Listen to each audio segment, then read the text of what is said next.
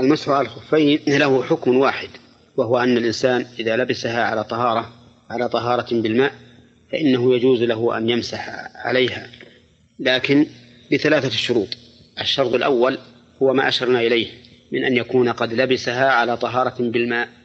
ودليل ذلك ما ثبت في الصحيحين من حديث مغيرة بن شعبة رضي الله عنه أنه صب على النبي صلى الله عليه وسلم وضوءه فتوضأ النبي صلى الله عليه وسلم.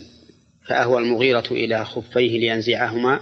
فقال النبي صلى الله عليه وسلم دعهما فإني أدخلتهما طاهرتين فمسح عليهما.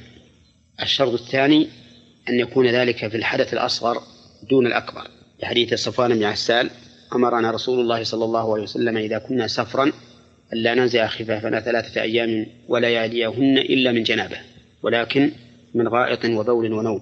الشرط الثالث أن يكون في المدة المحدودة شرعا وهي للمقيم يوم وليلة وللمسافر ثلاثة أيام بلياليها للمقيم يوم وليلة تبتدئ من أول مرة مسح فالمدة التي تسبق المسح لا تحسب من المدة التي قدرها النبي صلى الله عليه وسلم.